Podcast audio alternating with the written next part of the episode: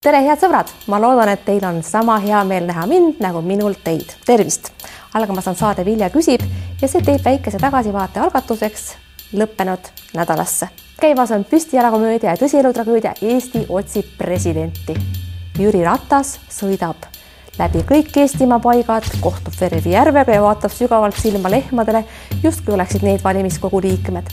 vähe sellest, ta avaldab sotsiaalmeedias fotosid, kus ta teeb ära ühe päevaga Heraklase töö, lõhub saunapuud, tassib raskeid palke ja teeb kõike seda, mida üks mees ühe päevaga muidu mitte sugugi jõuaks, aga põhiküsimuses on ta täitsa kuss. tahab ta kandideerida presidendiks või ta ei taha avalikult ta ei ütle, seetõttu ei tea seda veel ka keegi peale tema enda või mõne hästi informeeritud keskerakondlase. sellel nädalal saime me teada, et Riigikogus istub selline mees nagu Igor Kravtšenko. tuleb välja, et Riigikogus parlamendisaadikute seas leidub inimesi, kelle meelest on okei okay sõita teisele inimesele autoga otsa ja mitte kogemata, vaid täitsa meelega.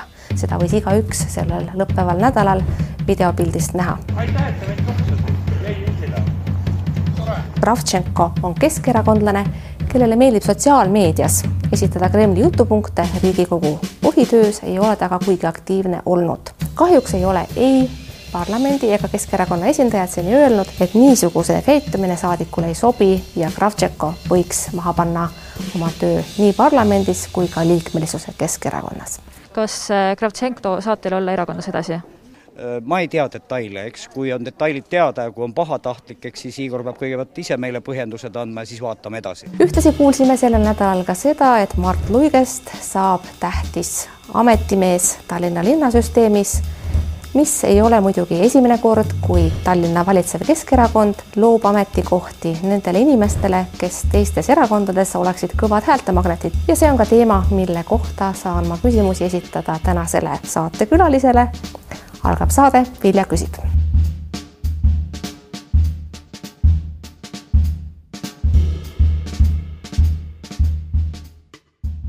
ja mul on suur rõõm tervitada stuudios Tallinna linnapead, Keskerakonna juhatuse liiget Mihhail Kõlvartit, tere tulemast.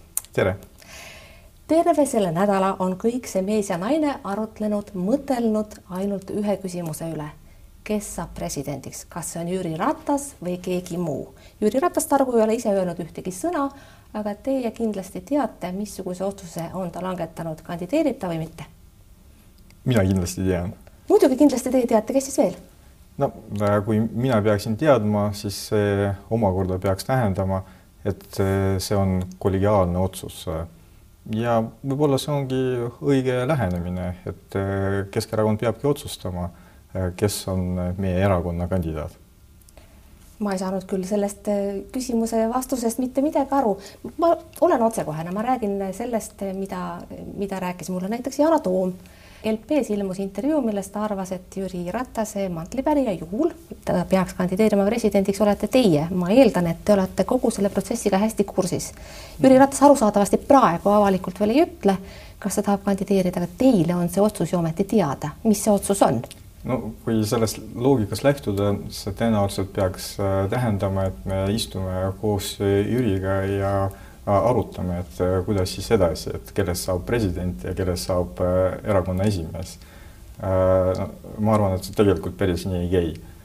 et loomulikult see peab olema eelkõige Jüri Ratase otsus, kas ta soovib kandideerida või mitte.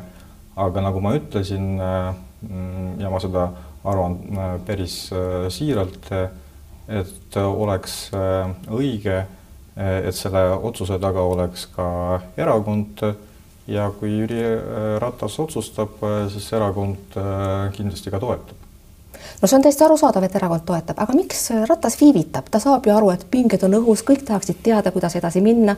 Teie erakonnaski tahaksite oma samme seada ja võib-olla leppida kokku, millal siis kutsuda kokku erakorraline suurkogu, et valida erakonnale uus juht, sest seda tuleb siis teha. miks ta venitab niimoodi? aga miks äh, ta peaks olema äh, esimesena äh, selle avaldusega vaiba peal? Et äh, samamoodi võiks küsida, aga kes on äh, Isamaaliidu kandidaat või no, siis EKRE kandidaat ja no, nii edasi. see on ju üsna ükskõik, te teate seda, et kui keegi saab konsensuse kokku, hääled kokku, võib-olla juba Riigikogus, aga kindlasti valimiskogus, siis on see Jüri Ratas. ja olgem ausad, sügis on juba ju varsti. jah, aga selles ongi asi, et see ei olegi ainult ühe erakonna otsus, et selleks, et seda konsensust saavutada, tulebki aru saada, mis on ka teiste erakonnade võimalikud kas kandidaadid või eelistused või kokkulepped, sest isegi Keskerakonna ja Reformierakonna häältega presidenti valida ei saa Teil on praegu siis Keskerakonnas põhimõtteliselt kahtlused, et äkki ikkagi Ratas ei saa hääli kokku? ma arvan, et alustada ikkagi oleks vaja sellest, mis äh, on erakonna huvid ja ka Jüri Ratase valikud. loomulikult mina tahaks no, sellele küsimusele vastata nii, et kõigepealt tuleb otsustada, et äh, Äh, mitte otsustada, vaid aru saada, äh, mida soovib äh, Eesti inimene, keda ta soovib näha nagu presidendina. aga kahjuks meie süsteem, riigisüsteem seda võimalust ette ei näe, seega me peamegi sellisel viisil arutama, et mida arvab üks erakond, mida arvab teine erakonna liider, et jah, kahjuks see nii on. no kuulge, Jüri Ratas ei tassi ilma asjata palki ja ei värvi, värvi aida seinu ja ei lõhu puid ja ei avalda kõiki neid fotosid, ei kohtu Verevi järvega, ta ilmselt ikkagi tahab seda saada. Ja täiesti selge indikatsiooni andis ka Yana Toom selles samas juba viidatud intervjuus LP-le, et ta võiks tahta, kui ta ei tahaks, siis ta, siis ta ei, siis ta ütleks välja, et ta ei tahaks nii et eeldusel, et Jüri Ratas kandideerib presidendiks, on täiesti selge, et erakond vajab uut juhti. ja kui me hakkame nüüd loogiliselt vaatama teie pinki seal Keskerakonnas, siis me näeme, et see on üsna lühike. Mailis Repsil on probleemid korruptsiooniga, tõenäoliselt ta ei tule kõne alla. Kadri Simson väga tõenäoliselt ei soovi tulla tagasi Euroopast, sest miks ta peaks, sama lugu on Yana Toomiga. ja kui me mõtleme seal siis veel näiteks Jaak Aabi või Tanel Kiige peale, siis olgem ausad, vist ei kanna välja, jäete üle teie kas te olete valmis seda vastutust võtma, juhul kui? tänan teid äh, usalduse eest. Äh, aga äh, jällegi mina millegipärast arvan, et see päris nii ei käi, et me kõigepealt otsustame, kes ei sobi või kes ei saa, kes ei tule siis lähtuvalt sellest vaatame, kes on jäänud ja teda nomineerime. et ma arvan, et see ikkagi peaks olema nii et erakond äh, peab otsustama ja antud juhul ikkagi erakond, äh, mitte mina või Jüri Ratas, et kes oleks see inimene, kes suudaks erakonda ühendada ja mobiliseerida. et ei ole niimoodi, et Jüri Ratas tuleb ja ütleb, et armas Mihhail, ole hea, siin on minu mantel, siin on minu saapad, palun võta need üle, sa sobid no puhtteoreetiliselt ta võiks ju seda öelda, aga see ei tähenda, et erakond äh, seda toetab ja ka mina pean äh, otsustama. aga et äh, noh, ma püüan vastata väga konkreetselt sellele küsimusele. oleks ammu aeg, me oleme raisanud juba hulk aega, oleks ammu aeg saada konkreetseks. no siis ei oleks ju huvitav seda teemat arutada, kui ma algusest peale ütleksin, et jah, mina tahan ja minu saab. jah jah, aga, aga see, kuidas siis päriselt on äh,? päriselt on ikkagi nii ja ma ütlen seda nagu päris siiralt äh,. ja ikkagi ma niisama ei saa vastata, ma pean seda teemat üldfilosoofiliselt arutada ja alustada sellest, et kui te mäletate. Te alles lubasite minna konkreetseks, seda lubadust te tagasi võtta ei saa. valetasin nagu kõik poliitikud äh,. aga mäletate, kuidas oli kaks tuhat seitseteist, siis oli arutelu et kellest saab linnapea kandidaat, kas Taavi Aasast või Kõlvartist ja ma pean tunnistama, et äh, ma olin valmis seda vastutust äh, võtma ja ma isegi arvasin, et võib-olla olekski äh, taktiliselt või strateegiliselt õigem, et mina oleksin linnapea kandidaat kaks tuhat seitseteist. aga erakond otsustas, et on Taavi Aas ja mina olin esimene, kes ütlesin, et mina seda toetan.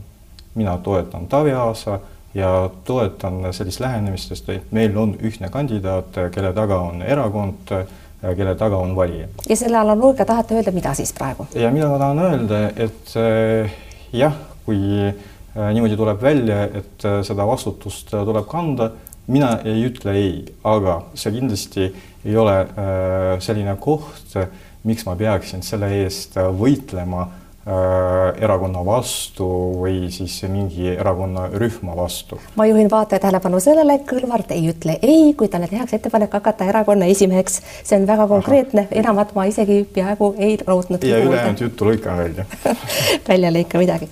aga lähme siit edasi. erakonna esimees, juhul kui te selleks saate, on ühtlasi ka peaministrikandidaat. Pole kahtlust, et Keskerakonna jaoks on mitte eesti emakeelega erakonna juht täiesti okei okay see peaks olema Keskerakonna aadetega igati kooskõlas.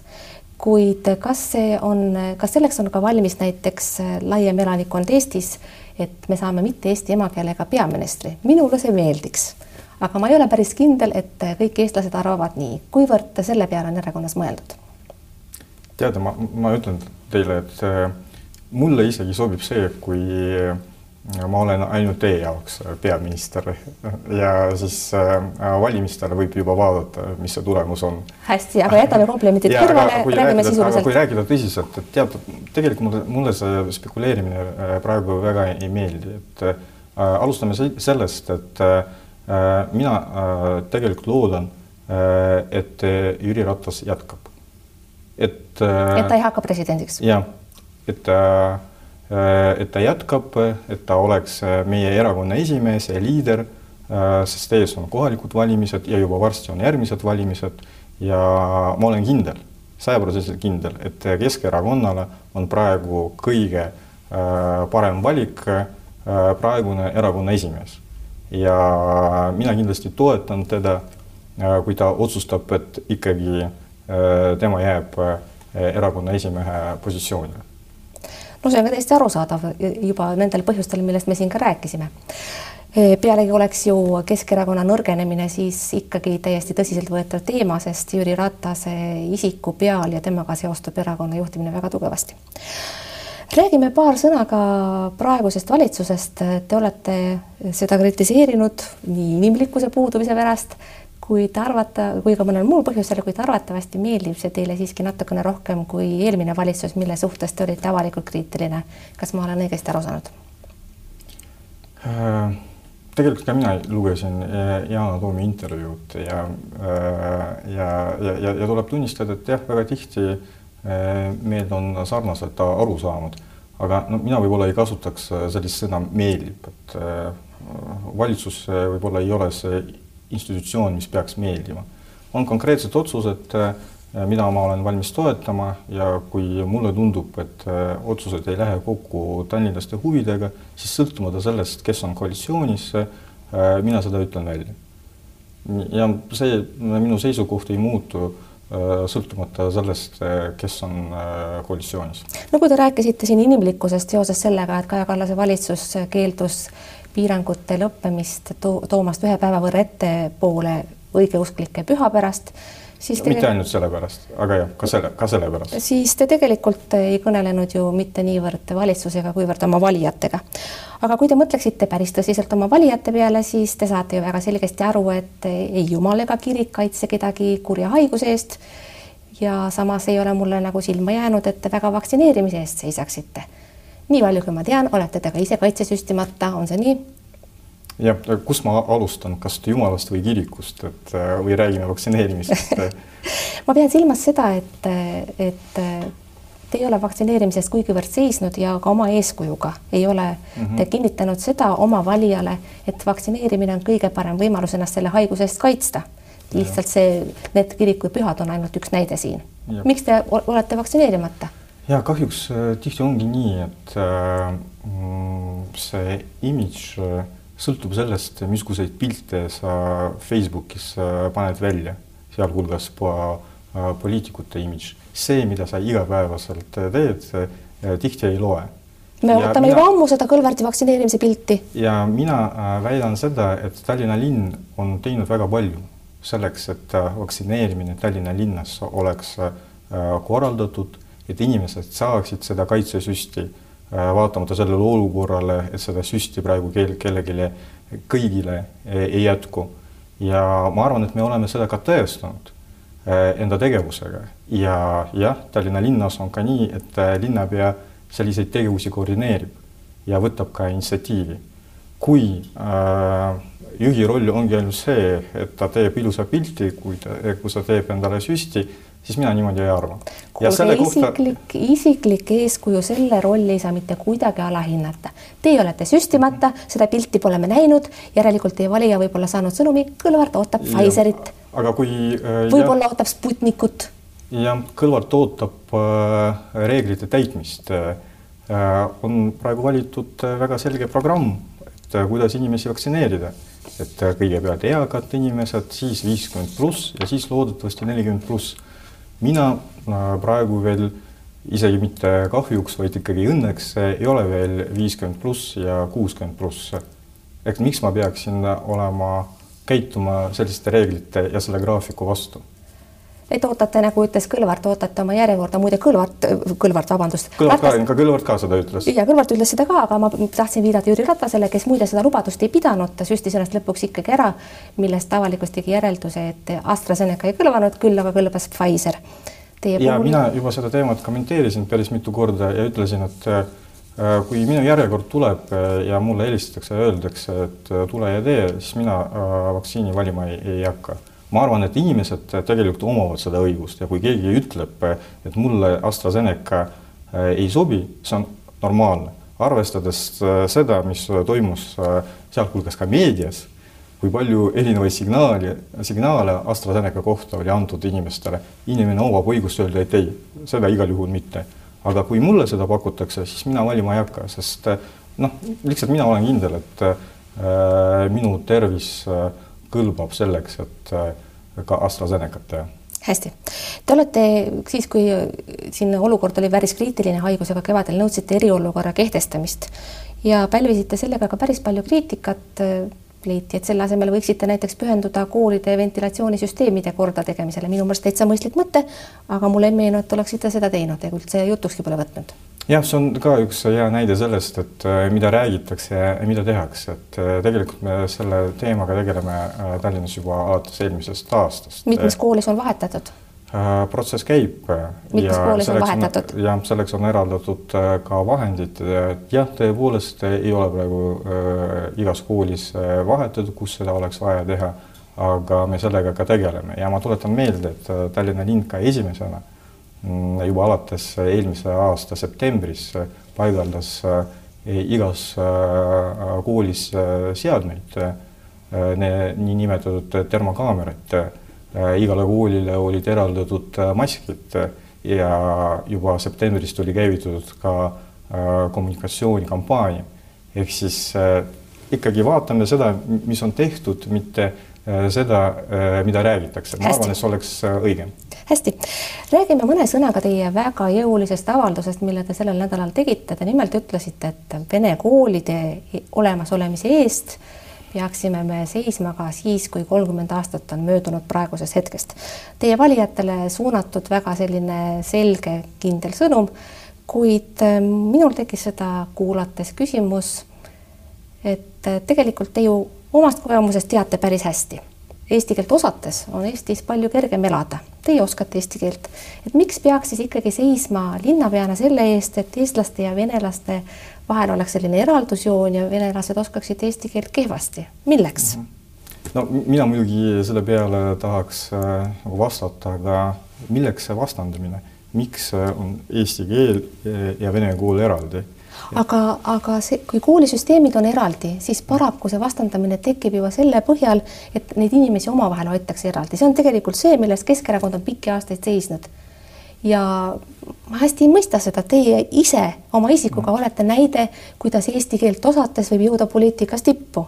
miks te ei taha oma valijatel sama võimaldada? ja mina õppisin vene koolis. see ei ole äh, mingi argument, äh, sest äh, see ei ole ka õige niimoodi. ja Yana Toom, Yana Toom kasutas sama ja, argumenti, aga, aga Toom on andekas, teie ilmselt ka, eks ole, kõik ei ole keeleoskus võiks tulla koolist. aga alustame teie argumendidest. alustame. jah, et kui kõik õpiksid ühes koolis teoreetiliselt see võimalus on ka praegu. Äh, probleem on see, et äh, kõigile seda ressurssi ei jätku. et sellist probleemi, et keegi ei sooviks õppida äh, eesti keelt, ei ole. meie praegune probleem, et avalik sektor ei suuda vajalikku ressurssi selleks pakkuda. seda enam, et on möödunud kolmkümmend aastast, kolmkümmend aastat taasiseseisvumist ja meil jätkuvalt ei ole süsteemset programmi, isegi eksamiprogramme selleks, et viia ühe inimese äh, algtasest kuni C1 taseni. et tahate öelda, et munitsipaalkoolid küll, aga näete, riik ei jõua õpetajat koolitada või kuidas, kuhu te tahate välja jõuda? ei, ma tahan öelda seda, et äh, me peame aru saama, mida me püüame lahendada. kui me püüame lahendada seda, et Keskerakond on selle vastu, et inimesed õpiksid eesti keelt ja inimesed sellepärast eesti keelt ei õpi, siis seda probleemi ei eksisteeri, sellest võib rääkida, aga reaalsus on teine inimesed seda soovivad, aga avalik sektor eh, seda ressurssi täies mahus eh, ei suuda pakkuda ja kui te mäletate seda intervjuud, siis ma alustasin sellest, et ma loodan, et kolmekümne aasta pärast meil sellist probleemi enam ei ole, et kõik, kes soovivad eh, eesti keelt õppida ja eesti keeles õppida Eesti koolis, et kõigil see võimalus on, mitte nii, nagu see, see praegu on. hästi. ja, ja siis, aga ma arvan, et ka vene keel vene koolil on äh, tulevik äh, meie ühiskonnas ja meie riigis ja vene äh, inimene, aga mitte vene inimene, vaid tegelikult terve ühiskond peaks olema sellest huvitatud. nagu ka me oleme huvitatud, et meil on Prantsuse lültsum, Inglise kolledž, et meil on inimesed, kes võib-olla õpivad enda emakeeles, õpivad eesti keelt loomulikult ja õpivad ka äh, Äh, mõned ained äh, eesti keeles, võib-olla mitte obligatoorset äh, füüsikat ja matemaatikat, väga lihtne loogika ju tegelikult. hästi, sellega ma olen tegelikult ju isegi täitsa nõus. räägime paar sõna valimistest, kohalikest valimistest, alustasime presidendivalimisest, aga kohalikud valimised on ka juba sügisel. Ida-Virumaal on teie seis seekord täiesti unikaalne, te peate hakkama piike murdma EKRE-ga ja EKRE teatavasti on väga tugevasti sisenenud venekeelse valija nišši, kõnetab neid kohati mulle tundub märksa jõulisemalt, kui teie suudaksite. isegi need Punaarmee suuri võite reklaamivad inimesed, kes vanasti oleksid võinud astuda Keskerakonda, liituvad nüüd EKRE-ga ja veel need teised näited. Äh, noh, ma mäletan kunagi väga ammu, ma rääkisin äh, nagu sellest, et äh, tegelikult ühiskond peaks olema huvitatud sellest, et ei oleks nii, et meil on äh, erakonnad eestlastele ja erakonnad venelastele. Keskerakond on sellest kogu aeg seisnud, et nii oleks? Äh, et on eestlased ja on venelased. Keskerakond on ainuke erakond, kellel on nii e, e, valijaid nii eestlaste kui ka venelaste seas. ja aga tuleb äh, tõepoolest tunnistada seda, et palju aastaid suurem osa, kui mitte kõik venekeelsed valijad valisid eelkõige Keskerakonda. jah, Keskerakonnale äh, see sobib sobiks ka edaspidi, aga ühiskonna, äh, ühiskonna jaoks oleks äh, palju tervislikum olukord, kus see joon ei ole rahvuse järgi, et inimesed lähtuvalt enda ideoloogiast.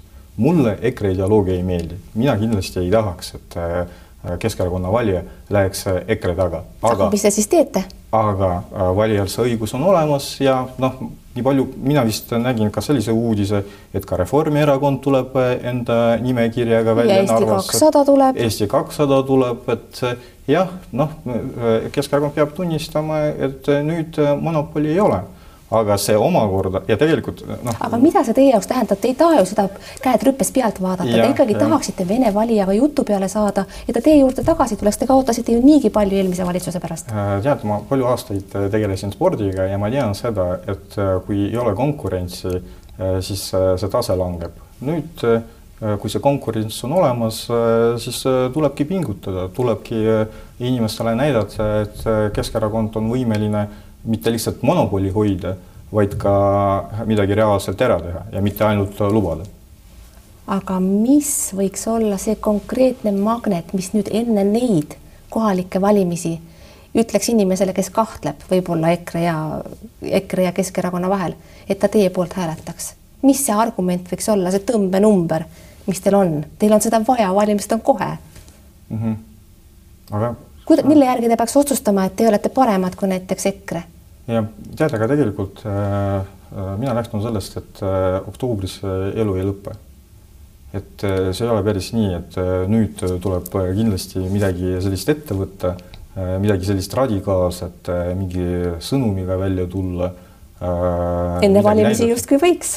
jah, seda küll, aga see ei noh, tegelikult see, mis meil on natuke puudu üldse, sealhulgas ka poliitilises kultuuris, see on selline pikem vaade.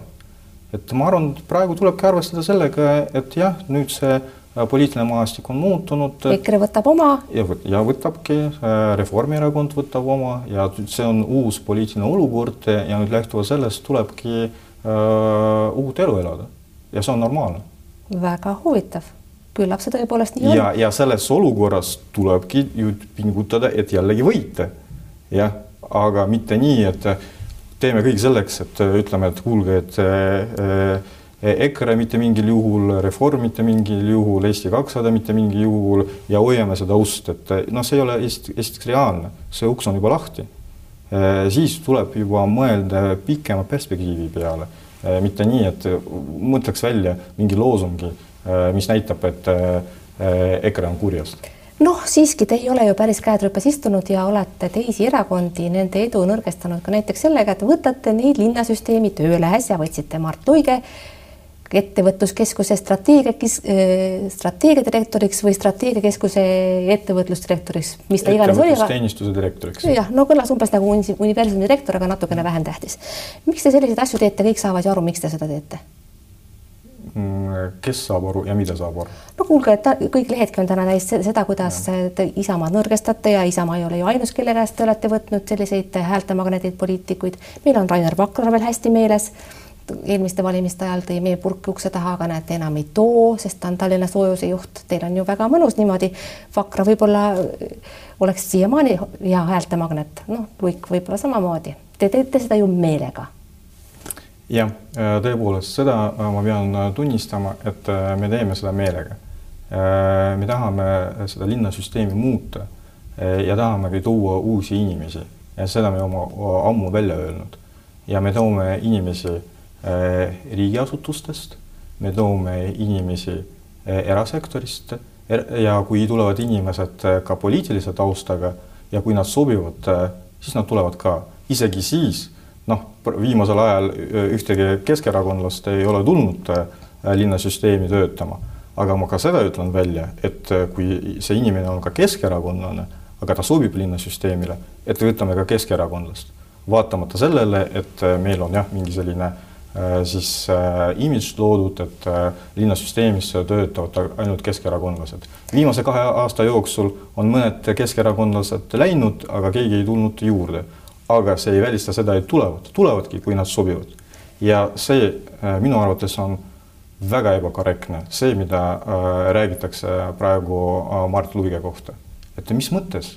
et kui inimene on ühe või teise erakonna liige, siis sa, ta ei saa kandideerida et äh, no siis äh, võtame vastu seaduse ütleme, et poliitilise taustaga äh, ära kandideeri ja kui sa kandideerid, siis sa igal juhul oled, ma ei tea, reetur, oled ennast müünud ja nii edasi no,. Mina sain teada, et Mart Luik kandideerib siis, kui tema nimi oli juba äh, komisjonis ja kui see juba äh, jõudis äh, istungile ja, ja kui keegi küsiks minu käest, kas ta peaks või ei peaks äh, jah, ma, mul tekkis jah, tõepoolest üks äh, selline poliitiline emotsioon, mina hakkasin mõtlema, et kui ta sobib ja seda otsustas komisjon, siis väga tore, et siis me veel ükskord saame näidata, et ongi linnasüsteem avatud, sõltumata äh, erakonna kuuluvusest. no see on hea argumentatsioon, aga tegelikult äh, kõik saavad aru, et üks eesmärk sellistel palkamistel on ka teiste erakondade nõrgestamine, liidritest ilmajätmine. ma küsiks selle peale, et minu jaoks on väga põhimõtteline küsimus, et äh, jah, loomulikult meie poliitilised konkurendid seda niimoodi ütlevad, loomulikult meedia juhib tähelepanu ja see ongi õige, niimoodi see peabki käima aga ma sellepärast ei hakka enda meeleolu muutma, ma sellepärast ei hakka loobuma äh, sellest, et äh, linnasüsteemi peavad tulema uued inimesed. vot äh, kui niimoodi, kui keegi arvab, et motivatsioon on poliitiline, see õigus on olemas, aga see ei kõiguta mind, et tulevad inimesed vastavalt pädevusele, kui võidavad konkursi, kas ta on keskerakondlane või ta on Isamaaliidu liige tuleb sisse, kui ei soovi, ei sõlt-, ta võib olla kaks korda keskerakondlane, aga sisse ei tule. hästi, kõige lõpetuseks tahaks küsida paar sõna linnahalli kohta, ma pole nüüd täpselt aru saanud, kas Tallink ja Hanschmidt seal on käppapidi sees, nagu te leppisite enne koroona, koroonat kokku või, või ei ole. et ka, saite nüüd ka siis selle riigiabi loa, kas ainult sellega tahate selle linnahalli korda teha või mis see Tallinki roll seal praeguse seisuga on? No selle kohta vist tuli ka ametlik eh, kommunikatsioon Tallingi poolt, et eh, nad tunnistasid, et nad jätkuvalt arvavad, et see oleks väga hea projekt, aga lähiaastatel nad ei suuda selles projektis osaleda. noh, mis on ka täiesti arusaadav. mis on arusaadav aga... ja mis on ka väga kahju.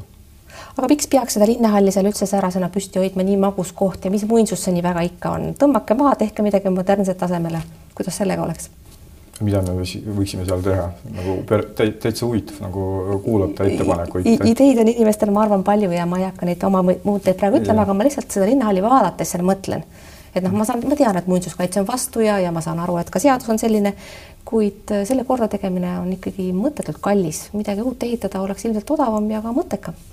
ma arvan, et igal juhul äh, peab tekkima äh, selline koht äh,, millest oleks äh, inimestel äh, kasu ja mis äh, sobiks ka linnaruumiliselt ja mis avaks linna merele ja meil see kontseptsioon on olemas. uus kontserdisaal, rahvusvaheline konverentsikeskus, uus merevaade. ma arvan, et seda on vaja. hästi, Mihhail Kõlvart, ma olen teile väga tänulik, et tulite saatesse, head sõbrad ma olen tänulik ka teile, et te vaatasite, vaadake teinekord ikka jälle, elage vahepeal hästi, olge terved, kuulmiseni, nägemiseni